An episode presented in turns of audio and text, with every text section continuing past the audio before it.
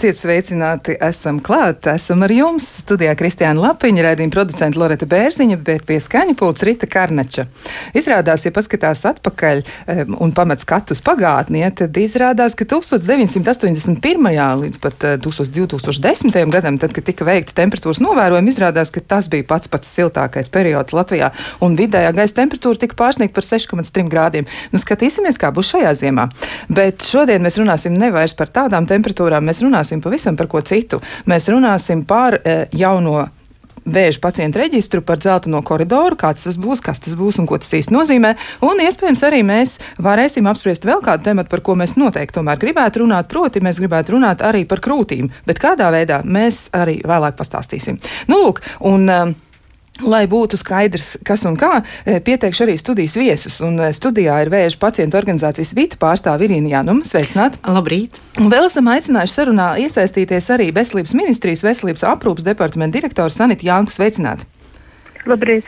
Nu, lūk, mūsu pirmais jautājums būs tieši par uh, jauno vēža pacientu reģistru un arī uh, pēc tam uzreiz par dzelteno koridoru. Varbūt mēs varam sākt uh, tieši kā reiz ar dzelteno koridoru, jo tas varētu paskaidrot arī, kāpēc tad būtu vajadzīgs jauns reģistrs. Varbūt mēs varam sākt ar, ar veselības aprūpas departamenta direktors stāstījumu un viedokli par to, nu, kas tas īsti ir, kas notiek un kā tas virzās. Uh, tad varbūt es sākšu ar dzelteno koridoru. Uh, Tātad tie būs veselības aprūpas pakalpojumi, kurus saņems ārpus rindas un pātrinātā kārtībā tie vēža pacienti, kuri savu ārstēšanos ir beiguši, bet kuriem ir šīs slimības recidīvas, lai viņiem nebūtu jāgaida šīs te garās rindas, kas ir vispārējā kārtībā, bet viņi līdzīgi kā zaļais koridoris šo pakalpojumu varētu saņemt daudz ātrāk un līdz ar to uh, tad arī ātrāk tikt pie nepieciešamās ārstēšanas. Un uh, šis te koridors uh, ir iedibināts, sāk darboties no šī gada, un sīkāka informācija par to tad būs pieejama un daļēji jau ir pieejama Nacionālā veselības dienesta mājaslapā. Uh, sākotnēji, uh, protams, detalizēti tiks izstrādāts par biežākajām lokalizācijām - krūtsvēzis, zarnu vēzis, kuņģa vēzis, un, um, bet katrā gadījumā visi šie pacienti, kas ir pabeiguši ārstēšanu un kam šī slimība ir atgriezusies vēlreiz, tad uh, visi izmeklējumi, kas nepieciešami, tiks nodrošināti ārpus rindas, ja citiem vārdiem sakot, viņiem tiktu veids, tiks veidota pilnīgi atsevišķa rinda šai pakalpojumu saņemšanai. Runājot par vēža reģistru, tātad tiek veidota apjomīga datu bāze, kur būs pieejami uh, visi dati par pacientiem, un no šīs datu bāzes būs iespējams iegūt absolūti jebkādu informāciju, kas saistās gan ar ārstēšanu, uh, gan ar skrīningu, uh, gan ar citām saslimšanām, kas ir šiem pacientiem. Un šeit tiks savienotas gan uh, ģimenes ārstu datu bāze, gan skrīninga datu bāze, gan um, diagnostiskā radioloģija, vizuālā diagnostika, gan arī patoloģijas datu bāze. Un uh, šī datu bāze tiek veidota tā, lai tas nebūtu manuāls roku darbs, uh, bet uh, arī visi pacientu veselības dati uh, tiks elektronizēti un um, būs pieejami viena vieta. Uz doto brīdi šo darbu jau ir uzsākus Nacionālais veselības dienas kopā ar Rīgas Austrum Klīnisko universitātes slimnīcu, un principā šis darbs ir jāpabeidz šajā gadā. Pirms mēs sākām veidot šo datu bāzi, mums bija domnīcas par saturu, bija domnīcas arī amčam ietvaros un visa šī informācija, uh, kas ir apkopota, viņa tiks ņemt vērā un, un arī uh, svarīgi šim reģistram, ka šie dati būs papildināmi, ja tas ir nepieciešams paplašināmi. Bet katrā gadījumā es gribu teikt, ka šis darbs ir uzsācies un uh, Uh, tie dati, kas bija pieejami iepriekš, tie bija principā statistiskie dati. Viņi arī tagad ir pieejami, bet viņi ir nepilnīgi, lai vērtēt ārstēšanas kvalitāti, un šeit ir uh, svarīgi saprast arī to, ka katram lietotājam būs savas intereses, kādēļ viņš šo datu bāzi lieto. Bet, uh, lai, teiksim, šos datus lietots, tā tad vispirms ir jāsaveido, lai būtu, no kurienes šos datus ņemt. Man tas īsumā būtu viss. Jā, bet uh, man gribētos atgriezties arī pie uh, dzeltenā koridora. Tātad jūs teicāt, ka vēža pacientu reģistrs tiek veidots, ja tātad onkoloģiskie pacienti viņi tiek grupēti un informācija tiek vākta detalizēti un, un tas darbs notiek. Un tad uh, es saprotu arī, ka šis gads tam ir nu, veltīts savā ziņā, ja tas laiks tiks izmantots. Bet atgriežoties pie dzeltenā koridora, kā tad ir? Nu, kā tas tehniski tagad izskatās? Jūs teicāt, sāks darboties. Kad tad sāks darboties? Ir tas konkrētais? Nu, viņš jau īstenībā viņš jau sāk darboties. Uz doto brīdi ir tā, ka tie pacienti, kas, kam ir šī diagnoze bijusi, to jau zina gan ģimenes ārsts, gan arī speciālists. Un šajā dzeltenajā koridorī pacientu var nosūtīt gan ģimenes ārsts, gan arī tajā gadījumā, ja pacients ir aizgājis pie cita speciālista. Nu, principā, jebkurš speciālists var nosūtīt uz šo dzelteno koridoru. Nevienmēr varbūt šīs tā aizdomas apstiprināsies, bet katrā gadījumā, uh, tad, nu, nosūtot šo pacientu, tā ir speciāla pazīme, kad uh, austrumu slimnīcā zina, vai, teiksim, stradiņos, vai arī liepā, vai daugopilī, ka šis pacients ir ar vēža recidīvu. Skaidrs, jā. No pacientu puses drīkst pajautāt. Jā, mēs, mēs uzreiz arī iesaistīsim sarunā Irinu Jānumu. Viņai ir, ir arī savi jautājumi. Lūdzu. Vai ģimenes ārsti un tie speciālisti, pie kuriem vēršās pacienti, zina, vot, Zaļajā koridorā zvanīja ģimenes ārsts uz onkoloģijas slimnīcu un teica, es rakstu savam pacientam norīkojumu uz zaļo koridoru, un tur uz tā norīkojuma bija burtiņš Z un um, vēža kods, kāds ir aizdomos uh, tam pacientam. Un kā būs tagad ar dzeltenu? Arī būs tāds norīkojums, kas būs dots pacientam uz rokas, un doktere vai speciālists uh, ārsts zvanīs uz onkocentru, un viņi zina, ko, kas jāraksta tajā norīkojumā, vai tur būs burtiņš eh, dzeltenais koridors vai kāds cipars, kāds ir tas norīkojums, ko pacients uz rokas dabū? Um, precīzāk, kā izskatīsies tas norīkojums, to droši vien būs jālūdz komentēt Nacionālam veselības dienestam, bet arī šeit būs speciāls kods, lai slimnīca un arī visi speciālisti zina, ka šis ir tas pacients, kurš ies caur dzelteno koridoru. Nu, tas ir svarīgi, lai šo cilvēku atpazīst uzreiz gan reģistratūra, un viņu, nu, teiksim, nu, viņu rakstot rindā uz pakalpojumu, viņš neiet vispārējā kārtībā, bet principā viņš iet tāpat kā zaļajā koridorī. Jā, es Jānumas kundzei atbildot, arī šeit būs speciāls kods, ko zina.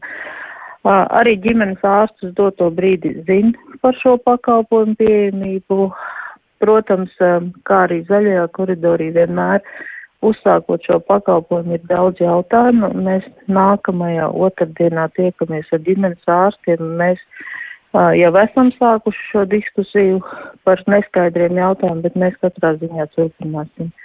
Jo vienmēr, kad ieviešu kādu jauninājumu vai jaunu pakalpojumu, protams, ir dažādi jautājumi un, un tas nenotiek uzreiz, nu, bet principā šeit es neredzu lielas problēmas, jo uh, tā darbība būs līdzīga kā zaļajam koridoram. Vienīgā atšķirība ir tā, ka pacientam jau ir diagnosticēta šī slimība. Un šeit varbūt es gribētu teikt uh, arī to, ka uh, varbūt tā, ka pacientam ir nevis bijušā diagnosticētās onkoloģijas lokalizācijas recidīvas, bet viņam var būt uh, citas lokalizācijas jaunas audzēs. Tādā gadījumā viņš iet caur zaļo koridoru. Skaidrs, tā tad noteikti sistēma strādās un arī būs atkal Jā. kods, pēc kura varēs atpazīt. Jā, Un Jānis kundzei vēl kāds jautājums? Es gribētu, lai Jankas kundze jūs iedrošinātu tos pacientus, kuri pirmām kārtām nobijušies nākt uz uh, slimnīcām, uh, onkoloģijas, uz pārbaudēm uh, dēļ Covid. Jā, labāk nebraukt, lai uz tam lielajām pilsētām nerādīties, bet tieši šobrīd mums svarīgi pateikt visiem klausītājiem, mēs nedrīkstam onkoloģiju ielaist novēlotā stadijā viņu pirmajā, otrajā stadijā jānotver un, un jāizārstē un jāatgriežas ierindā. Jo novēlot dēļ Covid neko nedrīkst. Tātad gatavība veselības aprūpes sistēmā ir tam dzeltenajam koridoram. Un ja tikai ir tiem pacientiem, kuri ir izslimojušie, viņu ir vairāk nekā pirmreizējo, tā mūsu armija, un es arī jau 15 gadus pati pēc savas vēža diagnozes atvesļojos, uh, tad man ir jāuzpasē sava veselība, un tiem, kas izvesaļojas, arī ir jākontrolē, lai mēs neielaistu nekādā gadījumā uh, lielāko stadiju. Jo tas ir gan valstī, gan katrai ģimenei ar novēloto stadiju pacients. Tas ir finansiālais. Es nerunāju par morālo slogu.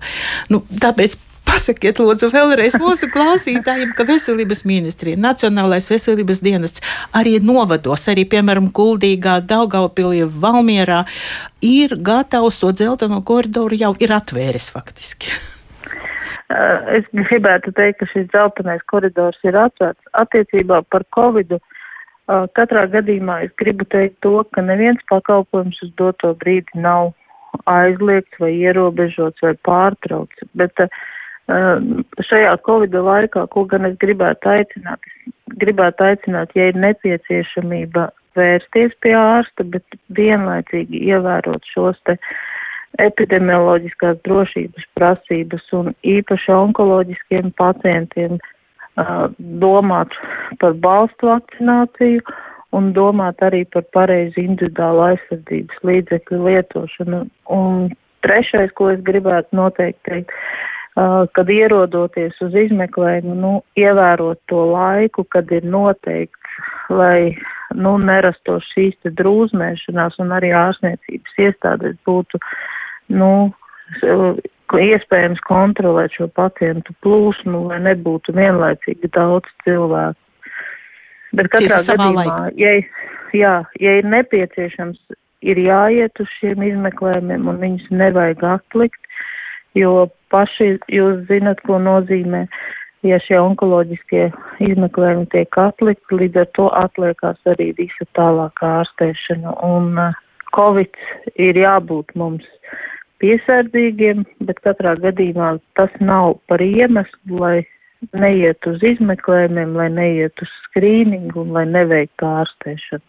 Tas ir ļoti, ļoti nozīmīgi. Paldies, ka jūs to sakāt un uzmundrināt pacientus. Jā, jo es arī no savas puses noteikti gribu piebilst, ka man tā šķiet, ka ļoti daudzos gadījumos arī pacientam, kurš ir arī saskāries savu laiku ar onkoloģisku uh, slimību, viņam tas ir problemātiski arī psihoemocionāli ir ārkārtīgi grūti domāt par to, un kaut arī viņam sevi ir jāsargā, dažreiz ir ļoti viegli pieķerties kādam argumentam. Tagad ir covid, tagad ir vēl kaut kas, tagad es neiešu, tagad labāk nē, jā, bet tā nedrīkst darīt. Ir jādara lietas, ir jāiesaistās un ir par sevi jārūpēs. Irīna Jānum grib teikt kaut ko.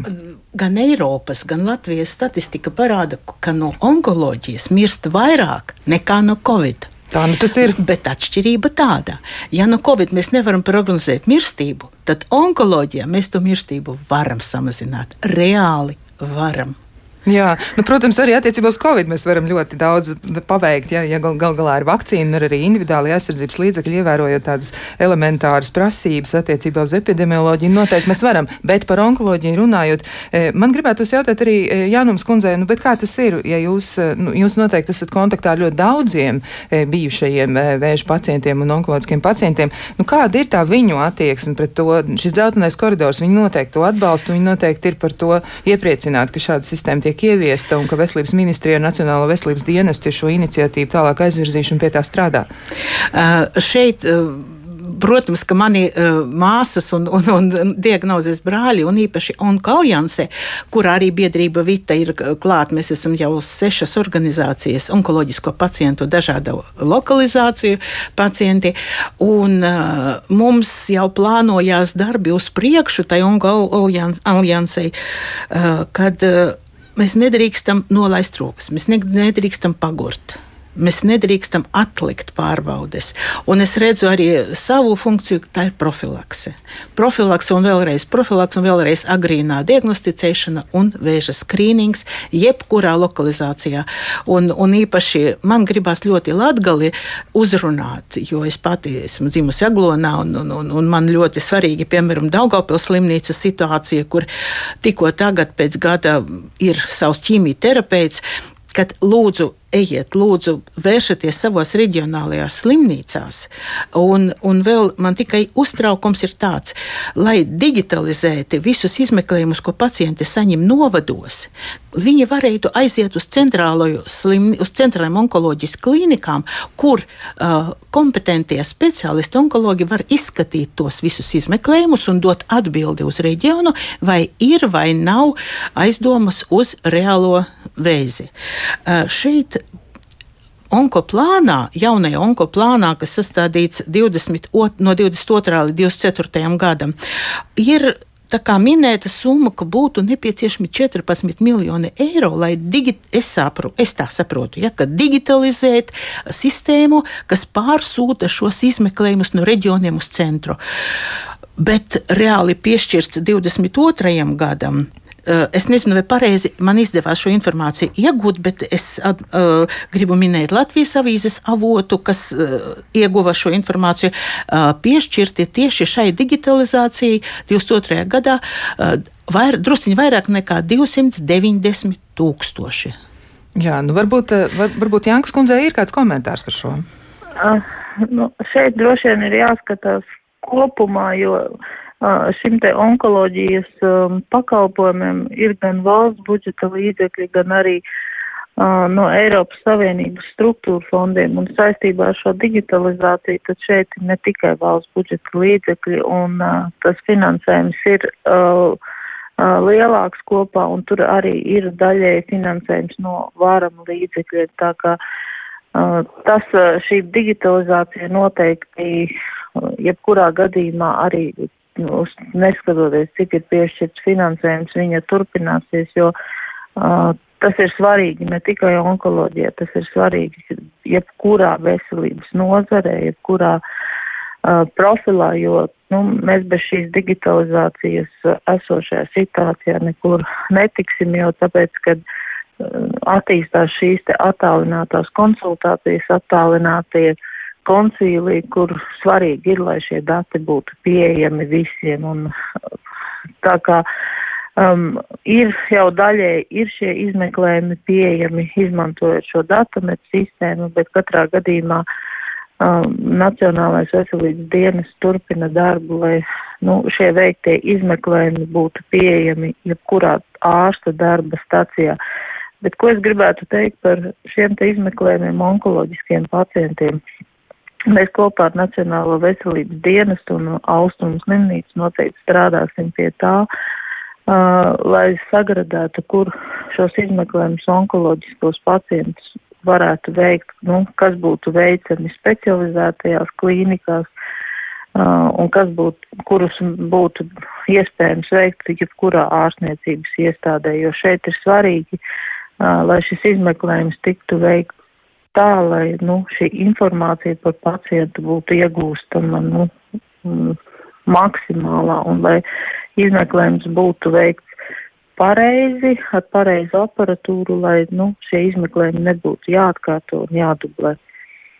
Jā, un, un Jānis Kundze. Un tagad, eh, lai, lai es atkal no pacientu puses, lai neatdurtos pacienti rindās, un kad būs jāgaida tam dzeltenā koridora eh, cilvēkiem, kuri uztraukušies, vai ir vēzis vai nav, un ka plānā pateikts, ka desmit darba dienu laikā tādam cilvēkam jātiek uz izmeklēšanu. Un es zinu, kad vai novembrī, vai decembrī uh, Latvijas onkoloģijas centra um, ķīmijterapeiti un vispār onkologu grupa ir iesniegusi projektu Nacionālajā veselības dienestā, kā to plūsmu, pacientu plūsmu sasinhronizēt vai teikt, sakoriģēt. Uh, vai varētu par tiem, bet tas ir saistīts, es domāju, vai tas ir saistīts ar jauno pacientu, vēža pacientu reģistru? Uh, es domāju, ka tas nākotnē noteikti būs saistīts, bet uh, kas, kam ir vēl piešķirta nauda un ko iz, jāizdara šī gada laikā. Austrumu slimnīcai, tātad kopā ar šīm slimnīcām, kas nodarbojas ar onkoloģisko pacientu ārstēšanu, uh, izstrādāt šo te pacientu koordinātoru modeli. Un viens no virzieniem šeit būtu tāds, ka šis te koordinators uh, pacientam sakoordinē šos pacientus, nu, ja viņš ir atbraucis, piemēram, uz Rīgu no laukiem, no reģioniem, ka viņš šos izmeklējumus varētu veikt vienā dienā, lai viņam nebūtu jābrauc vairākas dienas un šī izmeklējuma jāveic un iespējami arī tajā pašā dienā nodrošināt šo te konsultāciju. Tā kā šis te koordinātoru modelis daļēji uz austrumu slimnīcas iniciatīvas darbojas uroloģijas klīnikā, bet šo te modeli mēs gribam iedibināt visur, jo nu, mēs arī saprotam to, ka nevienmēr pacienti uh, kaut mūsu onkoloģijas pacienti ir ļoti izglītoti, nu, lai viņi saprot, nu, kur viņiem ir jāiet, ka šis cilvēks viņu ievirza uh, pie pareizā speciālista, lai viņš atnākot uz austrumu slimnīcu un nestaigā pa šiem lielajiem koridoriem, bet viņš skaidri zina, kur viņam ir jāiet. Nu, tā es mēģinātu paskaidrot to. Jā, bet mums ir. Mums, es es zinu tieši tādu jā. medmāsu no krūtsvēža nodaļas, kura aizgāja no onkocentra, jo tādam koordinātoram, nu, viņa jau sen strādā komercmedicīnā, bet viņa labprāt atgrieztos. Bet viņa uzzināja, ka tāds koordinators Latvijas onkoloģijas centrā saņems uz rokas tikai 700 eiro. Uz tādu neies neviens koordinators strādāt. Bet, bet... Vai varētu būt, ka Vilcelības ministrija pieprasa nu, 1300 uz rokas, no 1200, lai šis pieredzējusī māsa ar lielu pieredzi onkoloģijā varētu tādiem pacientiem palīdzēt? Vai jūs varat ietekmēt?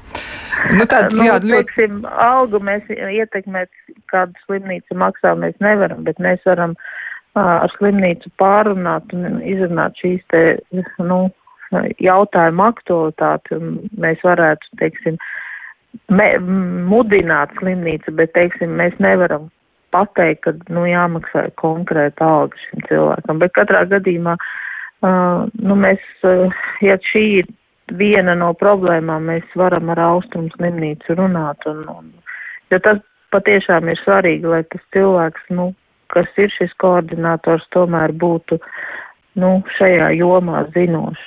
Jā, bet mums ir daži precedenti, un klausītāji ir ļoti, ļoti aktivizējušies. Viņus tas ļoti interesē, un viņi patiešām, nu, vismaz tie, kas raksta, noteikti arī daudz domā gan par savu, gan arī par savu tuvinieku veselību. Un, lūk, viens komentārs ir tāds, īsti nesapratu, ar ko tad dzeltenais koridors atšķirsies no zaļā koridora, jo īpaši nedarbojas zaļais. Kāpēc domājat, ka darbosies dzeltenais? Un pamatojums tam, kāpēc šāda skepse, ir arī cits komentārs no citas klausītājas. Un viņi uzdod ļoti, ļoti tieši jautājumu, un noteikti arī sagaida komentāru par šo. Tad kā saprast situāciju pirms nedēļas? Viņi ir īpaši izcēlus to, ka tas ir pirms nedēļas. Caur zaļā koridora tālruni mani ģimenes ārsts zvanīja, lai mani pieteiktu rakus uz vairogu dziedzeru biopsiju aizdomīgam mezglam. Tiku pierakstīta, nosaukti visi norādījumi līdz ņemamie dokumenti. Ierados, bet nācās braukt mājās, jo tikai ārsta kabinetā uzzināju, ka, lai gan reģistratūras darbinieks pierakstu šo izmeklējumu uz vietas, rakus šobrīd biopsijas funkcijas netiek veiktas, jo ir Covid-19. Par kādu zaļo vai zeltaino koridoru var būt runa, ja, jo tad nācās atkal pašai meklēt parastā kārtā, nevis caur zaļo koridoru, kurā vietā būtu šobrīd veicama šī procedūra. Un, e, nu, tas, ko raksta klausītāji, iet laiks, man nav garantijas, ka nebūs kaut kas nokavēts, ka būs pareizi veikts izmeklējums, un neapšaubām tā ir milzīga spriedze cilvēkam. Tad kāda varētu būt atbilde šajā situācijā? Tas ir noticis nu pat Irīna Janum. Es labprāt tai pacientei, dārgā kolēģi, ja māsa, diagnozes māsa, es varu pieteikt izeju. Kā bija man, kad es saslimu ar vēzi? Nebija nekādu ne zaļo koridoru, ne dzelteno. Un es sarunāju savu ģimenes ārsti, lai viņa man dod norīkojumu uz nelielu slimnīcu ar parastajiem izmeklējumiem. Man vajadzēja septiņus izmeklējumus. Un, un man ģimenes ārste iedeva norīkojumu uz slimnīcu, un es tā kā dienas stacionārā atrodoties, izgāju nepieciešamos izmeklējumus un ātri tiku, bet 20 dienu laika, nevis 10 dienu, uz sāpēm savu operāciju. Jā, bet rekā ir, bet tomēr tas ir, tas ir stāsts par to, lai būtu tā procedūra visa nu, tā izveidot, lai cilvēkam nav jānodarbojas ar tādu radošumu, meklējot situācijas risinājumu. Jo, ja reiz tā ir, pie tam arī pacienti raksta skaidri un gaiši, ja, ka tas ir pirms nedēļas, tā tad ir viss izplānots, ir pateikts, ņem līdzi dokumentus, ej tur un tur un tur, un e, viņi atduras, ja, un tā tad acīm redzot, informācijas aprite nav bijusi pilnīga, ja reiz cilvēks ir saskāries ar šādu veidu problēmu. Varbūt kāds komentārs arī no, no, no Sanits Jankas puses, nu, kas ir tas, ko jūs teiktu e, šajā situācijā, kā tad, kā tad, e, kā tad tik galā? Jā, es tur saklausīju divus jautājumus, bet uh, to, kad uh, izmeklējumi tiek aplikti Covid dēļ katrā gadījumā, nu, tas, uh, nu, vismaz ministrijas un NVD, teiksim, pusē nav šāda informācija ārstniecības iestādēm nodota, ka ir jāierobežo izmeklējumi, kad ir Covid. Ko mēs esam gan darījuši? Mēs esam nosūtījuši ārstniecības iestādēm vēstuli par to, ka ir ļoti strikti jāievēro šīs epidemioloģiskās drošības prasības, tas, ko es minēju iepriekš, nu, šie precīzie pieraksta laika, bet katrā gadījumā, nu, tad šis ir precedents, kas mums ir jāpārunā ar konkrētu ārstniecības iestādi, kāpēc ir šis, um, nu, tāds paziņojums, ka Covid dēļ netiek sniegti pakalpojumi. Kas attiecas par atšķirības starp dzelteno un zaļo koridoru, pakalpojumu saņemšanas kārtība neatšķirās. Atšķirās tikai tas, vai pacientam nu, šī diagnoze ir jau bijusi diagnosticēta un viņš ir ārstēts, vai pacientam nu, šī onkoloģiskā diagnoze nekad nav bijusi un, un nav bijusi arī apstiprināta. Kas attiecas par zaļo koridoru, es negribētu tam piekrist, ka viņš nedarbojas. Uh, viņš noteikti darbojas un vienmēr no sistēmas ir kaut kādi izņēmumi, kurus noteikti var uh, pārunāt atsevišķi, bet katrā gadījumā, nu, diezgan daudz uh, šie te vēža gadījumi ir atklāti tieši caur šo zaļo koridori. Uh, ko es gribētu teikt arī, ka, nu, arī, nu, tad, ja ir šīs te, uh, nu, ir šādi nepatīkami gadījumi, tad es tomēr ieteiktu, kad ir jāvēršas Nacionālajā veselības dienestā un par šo noteikti nevajag klusēt, un tad mēs arī šos jautājumus varam risināt. Jo, nu, lai mēs risinātu jautājumu, mums ir jābūt skaidri, nu, kad ir šāda ziņa no pacientiem, ka tas netiek nodrošināts. Tātad, ņemot vērā par šo te vairogdziedru sonogrāfiju, tad, nu, mēs arī kopā ar Nacionālo veselības dienestu risināsim, kāpēc šāda situācija radusies. Jo tā nav taisnība, ka Covid dēļ ir pārtraukts pakalpojumi.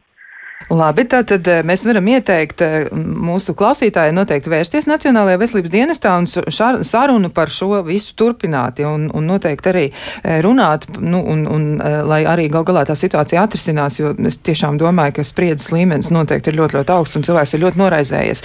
Bet šajā mirklī mēs sarunu uz mirkli apturēsim, mazliet atvilksim elpu, un pēc brīža mēs noteikti turpināsim runāt par to, kas tad ir dzeltenais un zaļais koridors, kas ir jaunais vēža pacientu reģistrs un arī vēl pieskarsimies citiem jautājumiem. Kā labāk dzīvot? Turpinām sarunu par jauno vēža pacientu reģistru, dzelteno koridoru un arī par to, kā palīdzēt pacientiem, kuri jau ir piedzīvojuši onkoloģisku problēmu, kā to palīdzēt nepiedzīvot nākotnē un kā sekot līdzi savam veselības stāvoklim. Un mums ir eh, šobrīd jau, var teikt, studijā diezgan daudz viesu. Mēs esam papildinājuši savu pulku vēl ar e, ārstiem, kuri nu, noteikti šajā sarunā ienesīs arī tādu praktisko, e, praktisko vēsmu, varbūt tā mēs varētu teikt. Un mēs esam vēl lūguši sarunā iesaistīties Daugaupils reģionālās slimnīcas valdes locekli Grigorijs Simjonovs. Sveicināti! Tā, es tūlīt skatos, kas man te notiek ar skaņu. Viss kārtībā, Grigorijs Jonovs. Ja? Jā, viss kārtībā, dzirdam. Viss ir labi. Jā, tad uh, vēl esam iesaistījuši arī Paula Stradīna Klīniskās universitātes slimnīcas onkoloģijas nodaļas onkoloģija ķīmija terapeiti Āju Geriņu Bērziņu. Sveicināti! Labdien, jā. Un vēl arī ar mums kopā šobrīd ir Austrum slimnīcas Latvijas onkoloģijas centra onkoloģija ķīmija terapeita profesore Alīnta Hegmana. Sveicināti! Labrīt. Gribētos tad eh, jautāt arī jums, un varbūt es pirmo jautājumu uzdošu tieši Grigorijam Simjonovam. Eh, nu, jūs no savas puses varbūt varētu novērtēt šo iniciatīvu un arī varbūt pateikt savu viedokli, kā tas ir dzeltenais koridors, nu, cik lielā mērā tas varētu atvieglot situāciju onkoloģijas, onkoloģijas pacientiem, kuri ir aizies par recidīvu, un tiešām dažreiz, dažos gadījumos recidīvs, nu, ir, jā, un tā varētu būt problēma, kas ir jārisina. Tad jūsu viedoklis par šo, eh, šo jauninājumu.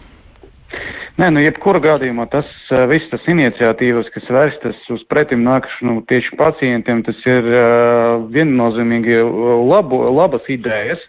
Vienīgais moments ir tas, ka ir jāsaprot, kā to ir iespējams pilnvērtīgi realizēt, jo savā mērā tam ir jābūt arī pamatā attiecīgai kapacitātei, finansēm un parām lietām. Protams, ir tas lietas, kas varētu pātrināt to, jā, laicīgo izmeklēšanu, diagnosticēšanu, līdz ar to pareizāks tas ārstēšanas un laicīgāks tas ārstēšanas papildus tas ar, e, nodrošināšana. Vienīgais moments ir tas, ka mēs, piemēram, savā, savā pamatā redzam dažas uh, problēmas, piemēram, kas vairāk saistītas ar tiem, ar to diagnostēšanas kompleksu, kas uh, ir saistīts ne tikai ar onkoloģiju, jo viss tas primāras lietas, jau ārstēšana, gan terapeitiska, gan ķirurģiska, kas, kas ir ļoti specifiska un uh, vērsta tieši uz onkos saslimšanām, nu, tur ir sava mērā ir iespējams nedaudz menedžēt un arī pielikt klāt, bet ja mēs runājam par uh, tām diagnosticēšanas uh, kapacitātēm, kas arī pašlaik jau ir mūsu, uz mūsu, kas saka, reikinā arī uz vietas, te savu, savu mērā ir ļoti tādas apjomīgas, kad mēs runājam tur līdz eh, kādiem astoņiem tūkstošiem izmeklēšanas epizodiem gadā, un jāsaprot, ka tev attiecīgi būs jāveido attiecīgi papildus rezerves, ko, ko mēs pašlaik jau veidojām arī zaļai, onkorindai pieturam papildus izmeklējumu vietās lai cilvēki varētu laicīgi arī pieteikties. Pašsaprātāms, ja viss tas tiks realizēts, tas ir bāgi labi, jo recidīvi neizbēgami bija un būs, un arī to ārstēšana laicīgā arī tad uh, ienesīs to labumu cilvēkiem. Bet ir jāsaprot arī, kā mēs varētu savā mērā arī novērst lieku reizi to recidīvo rašanas iespējas, jo mēs ļoti bieži skatāmies uz tā pacienta ārstēšanu nevis kompleksa veida, bet par tiem pašiem atkal posmiem kad viena ārstniecības iestādē nosūda, no, nodrošina, tā teiksim, ķirurģisko, pēc tam pacients atgriežas savā dzīves vietā un meklē iespēju tikt līdz tā pēcoperācijas terapijai, kas nevienmēr atkal ir pieejama, un tur ir jāsaprot, ka, ko mēs arī varētu darīt, varbūt arī lieku reizi, lai nenovestu līdz tiem recidīviem, piemēram, skatoties uz to pacienta ārstēšanu pēc pilnvērtīgas izmeklēšanas, jau kompleksa veida ar pirms operācijas, operācijas, piemēram, un pēc operācijas to, kas saka, terapiju, lai pilnvērtīgi, nu, tad to labāko rezultātu sasniegtu. Bet kopumā, kopumā, protams, skatāmies ļoti pozitīvi, ceram, ka tas tendences, kas mums ir ieplānotas, ka mēs nedaudz, kas saka, papildināmies attiecībā uz cilvēku resursiem un arī cenšamies te nostiprināties. Pašlaik ir atgriezies beidzot kārtējs mūsu certificētais kimoterapeits, priekšā vēl daži kolēģi, nu centīsimies, ka mēs varēsim cilvēkiem nodrošināt nu, plašāko pieejamību un arī ātrāk kļūt uh, pie tiem izmeklējumiem un pie galā rezultāta, tā teiksim. Bet, nu, kopumā jāatbalstāms, jā. Ja. Tā tad izskatās, ka tur ir labi, un tad ļoti īsos vārdos varbūt vēl jūs varat pateikt, nu kā tad ir Daugaupils reģionālās slimnīca, e, nu tiek, tiek galā, tad e, resursi ir? Resursi ir, bet nu, nav tā, ka mēs, nu, saprotiet, resursi ir, bet e, tie visi resursi ir ierobežoti. Jo viens tas, kas skaitas, piemēram, uz statistikas ziņā, mēs runājam par tiem pašiem onkokimēterapeitiem, jā, certifikātu ziņa, bet cik no tiem onkokimoterapeitiem faktiski pieņem tos pacientus, gan primāros, gan jau pēc ārstēšanas nodrošināšanās, gan dinamiskas novērošanas ietvaros. Tas ir pirmais, un es nemelošu visu laiku. Mēs gaidot certificētus kolēģus, centījāmies nu, kaut kā tikt ar pašu spēkiem, jo mums diezgan ilgi nebija te uz vietas vispār uh, certificēta kimoterapeita. Līdz ar to, protams, uh, nu, galvenais pamats, galvenais ierobežojums, ka vienmēr tas ir būt, būs cilvēka resurss. Cik ātri mēs varēsim nodrošināt to papildus apjomu, papildus pieņemšanu, papildus slodziņus izmeklējumu ietvaros, lai tomēr cilvēki varētu dabūt to. Jo var izdomāt gan violētu, gan rozo, gan visu ko, to, tos koridorus, bet pats galvenais ir tas, vai tam līdzi ies cilvēku resursu nodrošinājums un pats galvenais, lai mēs terapijas un visu pārējo kvotu ietvaros vēl dabūtu finansējumu, lai mākslīgi tos, tas rindas neveidotus. Jo es nemelošu attiecīgi, es nezinu, droši vien arī tas pats kolēģiem. Mēs, ja mēs runājam par to jau terapijas nodrošināšanu, jo izmeklēšana zaļo onkorindu ietvaros tas ir valsts apmaksājumais pēc fakta, ka, teiksim, tas pakalpojums tur ar terapiju, nu, ir ļoti specifiska lieta, jo ikgadēji tiek pārstrādāts ļoti būtiski, nu, citu kvotu rēķināta, teiksim. Skaidrs, jā, nu vēl un, viens uh, jautājums. Simjonova kungs, jautājums no, no, par, par, par reģistru, jauno vēža reģistru, kas, nu, tā kā jāsāk veidoties. Vai Daugaupilī, Daugaupils slimnīcā, es arī ceru, ka Liepāja dzird, jā, vai onkoloģijas jūsu slimnīcās ir koordinātori vai paredzēti koordinātori vai būs, kuri ievadīs informāciju jaunajam vēža reģistram? Jā, protams, tas ir neatņemami un tas ideja ir laba, ja tā reģistra pamatā arī veidotas tā ideja, ko arī biju minējis, tas ir komplekss, skatoties kompleksu uz pacientu ārstēšanu. Tad tie kompleksa veida tas simtprocentīgi, jo mēs visi, visi tas ārstniecības iestādes, kas iesaistītas onkoloģisko pacientu ārstēšanu, mēs jau diezgan ilgu laiku uh, vadām tos reģistrus, gan traumatoloģiskos, gan onkoloģiskos, nu tas specifiskas, tas diagnožu, tas saraksti un arī tie specifiskie reģistri, bet principā, principā, jā, tam vēl klāt ietu.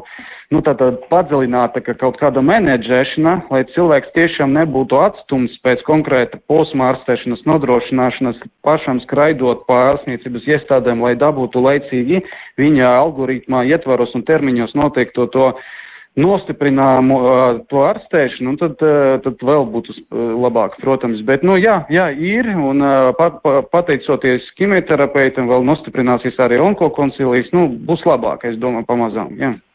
Nu, ļoti jauki. Paldies jums par sniegto informāciju. Un, uh, tiešām izklausās cerīgi. Un eh, šajā brīdī es teikšu Grigorijam Simjonovam milzīgi paldies vēlreiz un arī novēlēšu jauku dienu, lai veicas palīdzēt pacientiem un lai tiešām Daugavpilī izdodas uh, visu šīs lietas darīt. Mēs no jums šajā mirklī atvadāmies.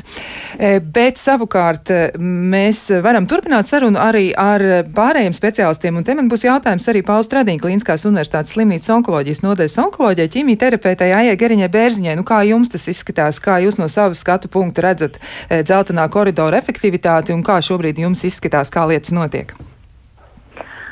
Jā, jāsaka tā, ka audzējas ir sistēmiska slimība un mūsdienās tā ir praktiski hroniska slimība un agrāk vai vēlāk, diemžēl, tīpaši audzējs ir nu, lielākā stadijā, viņi atgriežas. Un šeit ir ļoti svarīgi šobrīd uzsākt šo ārstēšanu pēc iespējas ātrāk un saulaicīgāk, jo no tā ir arī atkarīgs varbūt šī iespēja pacientu izārstēt un šo slimību tātad mazināt viņas aktivitāti, šos uzliesmojumus. Un, protams, ka pašreiz nu, tā pieeja taisni šiem te recidīviem slimības ir uh, pietiekoši nu, šīs gaidīšanas rindas uh, lielas, un tas, ko mēs darām, uh, tātad mēs esam Stradiņas slimnīcā līdz šim arī mēģinājuši ambulatoru atvēlēt dažas šīs vietas, tātad šiem onkoloģiskiem uh, pacientiem ar slimības recidīvu, bet tas ir nepietiekoši, un, un protams, ja šis dzeltenais koridors sāks uh, darboties, tas noteikti varētu būt tikai atvieglinājums. Bet atkal šeit ir jautājums par to, uh, tātad šis finansējums, protams, nav tā summa, kas tika prasīta, vai viņi pirmām kārtām neiztērēsies jau gada sākumā, kas rada bažas. Otrs arī par šo te pacientu fizisko nosūtīšanu. Līdz šim tātad šos nosūtījumus vajadzēja rakstīt tikai onkologam ķīmijterapeitam. Es domāju, ka šeit arī būtu ļoti svarīgi, ka šos nosūtījumus varētu uzrakstīt ģimenes ārsts, jo tas tātad šo procesu pātrinātu, jo ir ļoti svarīgi iekļauties tiešām šajās noteiktajās desmit dienās un saulēcīgi uzstās ārstēšana nekā tad, ja pacientam ir jāgaida jāgaida tātad, piemēram, divu mēnešu līdz nākošam izmeklējumam. Uh, lūk, vislielākās problēmas, protams, ir ar tiem izmeklējumiem, kā jau pieminēja arī dr. Simjonos, ar radioloģiskiem, tas ir tīpaši ar magnetisko rezonanci, ir problēmas, jo tur šis izmeklējums aizņem ļoti uh, lielu, nu, laiku salīdzinoši ar datortomogrāfijas izmeklējumiem. Uh, un, uh, un arī šeit ir gan šis cilvēku resurs uh, no speciālistu viedokļa un arī, arī paši aparāti, cik viņi mums ir pieejami. Un trešais, ko gribēju pateikt, jā, mēs par šo zeltaino koridoru esam arī sākuši domāt tādā ziņā, kad ir plānā tad, izstrādāt šo te algoritmu mūsu slimnīcā, jau būs šis finansējums piešķirts, tātad kā mēs veiksmīgāk varētu noz e, nodrošināt šiem pacientiem šo te plūsmu, taisn šī te dzeltenā koridora plūsmu, lai tātad pacienti būtu, nu, saulaicīgi saņemt šo izmeklējumu.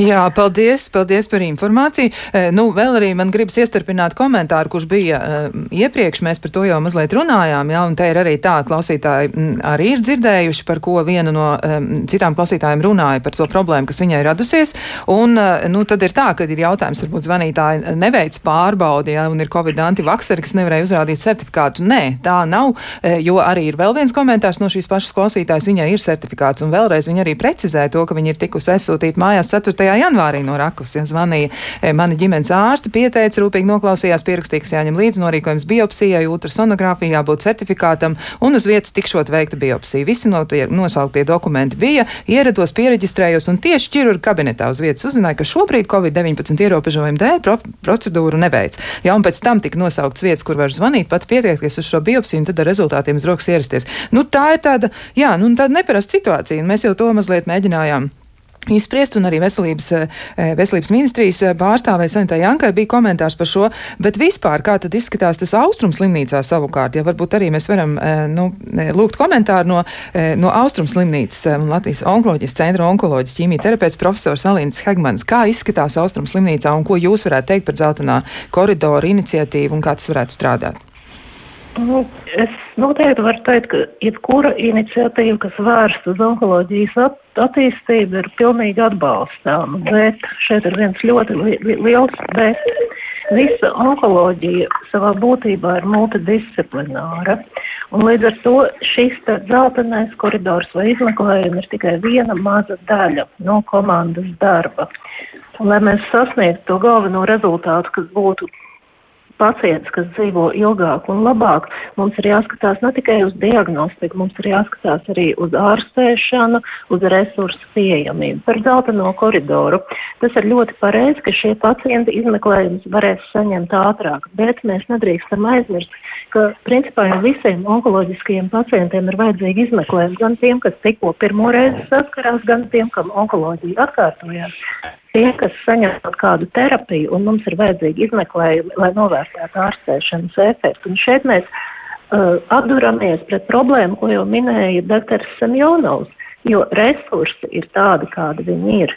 Teiksim, radiologi varbūt aparāti mums pietiek, bet radiologi, kas šos izmeklējumus novērtē, nu, viņu pietrūkst, un viņa darba apjoms ar vienu pieaug, tā kā ir jādomā arī par atbilstošu finansējumu un atbilstošiem cilvēku resursiem, īpaši nākotnē. Tā ir ļoti nozīmīga lieta. Tātad tas nozīmē, ka iespējams arī turpat ir vēl ātrāk jāiedarbina kaut kas, jā, jāaicina arī medicīnas students izvēlēties šo virzienu. Bet eh, es šajā mirklī gribētu lūgt arī vēlreiz Veselības ministrijas veselības aprūpas departamenta direktors Sanits Jankas komentāru par to, nu kas tad e, jums ir tapis skaidrāks, varbūt, vai arī kaut kas, ko jūs esat, e, nu tā kā varbūt, nu, ir kāda atklāsme par to, ko teica arī jūs kolēģi. Noteikti ir vēl kāda doma, ko jūs varētu varbūt pielikt klāt pie šī visa, mēģinot tādu kopsavilkumu izveidot par dzelteno koridoru? Jā, paldies, es klausījos uh, visus komentārus, ko teikt, un es gribētu teikt vienu lietu, uh, kas varbūt arī, nu, manuprāt, šī Daugavpils slimnīca sakarā īsti nebija saprast.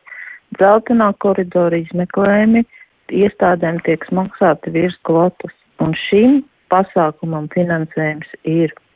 Tā kā šeit uh, jautājums, ka nav finansējuma šim, uh, Noteikti es nevaru piekrist. Jautājums ir, ka par to, ka mēs pēc divām nedēļām nevaram novērtēt šī koridora efektivitāti. Protams, mēs atradīsim problēmas un mums tās ir jārisina kopā. Un otra lieta ir tas, ka, nu, šos te dzeltenā koridora izmeklējumus, ko NVD arī ieviesīs pātrinātā kārtībā tie būs saskaņoti ar nozares speciālistiem. To, protams, kuri būs tie izmeklējumi, nenoteiks. Ne. uh, veselības ministrija, ne arī Nacionālais veselības dienas, bet katrā gadījumā finansējums tam ir. Un kopumā šim te ir atvēlēts finansējums 9 miljoni. Es nedomāju, ka tas būs nepietiekams finansējums. Un, uh, nu, es teiktu, ka pēc pāris mēnešiem, tad, kad šis sāks, nu, būs jau darbojies, tad mēs varam izvērtēt, vai tas ir bijis efektīvi un ja, ko mēs vēl tajā varam pamainīt. Kundze, un te man jautājums no onkoplāna, kur, kad ministru kabinetā to onkoplānu prezentēja, eh, protokolā eh, Kariņa kungs piektā punktā ir ierakstījis jautājumu par papildus valsts budžeta līdzekļu piešķiršanu, kas nu, onkoplānā paredzēta pasākumu īstenošanai. Turpmāk ik gadu var skatīt un vajadzētu skatīt, uh, jebkurā vots, plānā, kad jaunais budžets tiek veidots. Tātad katru gadu ministru kabinets gatavs atbalstīt jauno finansējumu lūgumu. Vai veselības ministrija tos lūgumus var jau saulaicīgi līdz kādam maijam, jūnijam jau parādīt un, un, un jau iesniegt? Nu, katrā Tātad. gadījumā šos te finansējuma lūgumus arī nākošajiem gadiem, tas, kas bija rēķināts priekš uh, onko plāna, mēs viņus uzturam spēkā un mēs viņus arī lūksim nākamajā un aiznākamajam gadam. Skaidrs. Nu, tā tad eh, precizējumi mums ir, arī nu, izskatās, ka šī saruna noteikti būs jāturpina, jo ir ļoti daudz jautājumu, kur ir klausītājiem, ļoti daudz jautājumu arī profesionāļiem, noteikti mēs varam par to vēl mēģināt arī spriest tālāk, sīkāk un sekot līdzi, kā tas viss attīstās. Un, eh, nu, šis laikam ir mirklis, kad jāsaka paldies vēža pacientu organizācijas vīta pārstāvē Irīnai Janumai, kura patiesībā šo sarunu ierosināja. Ja, paldies par jūsu aktivitāti. Noteikti liels paldies arī Veselības ministrijas veselības aprūpas departamenta direktorai Sanitai Jankai. Arī kolēģim, kurš šobrīd jau vairs nav uz vietas, jūsu e, kolēģis, tātad e, doktors un arī Daugaupils reģionālās slimnīcas valdes loceklis Grigoris Simjonovs bija ar kādu mirkli ar mums. Vēl saku paldies Pauls Stradīna Klīniskās universitātes slimnīcas onkoloģijas nodeļas onkoloģijai ķīmijterapeitē Aijai Geriņai Bērziņai, kurš starp citu ir arī Latvijas onkologu ķīmijterapeita asociācijas vadītāja. Un Protams, arī Austrum slimnīcas Latvijas onkoloģijas centra onkoloģijai ķīmijterapeitei profesorai Alintai Hegmanai. Savukārt klausītājiem mēs varam teikt tā, viens no klausītājiem arī ir uzrakstījis, ne viena no klausītājiem, ar ko sākt pārbaudi, ja man ir tikai aizdomas pašai. Žigli, žigli pie doktora, pie savējā ģimenes ārsta, un tad arī, ja būs nepieciešams, vēl pie kāda cita. Bet ātri, negaidiet, tuliņ pat šodien. Lai jums skaista diena! Atā!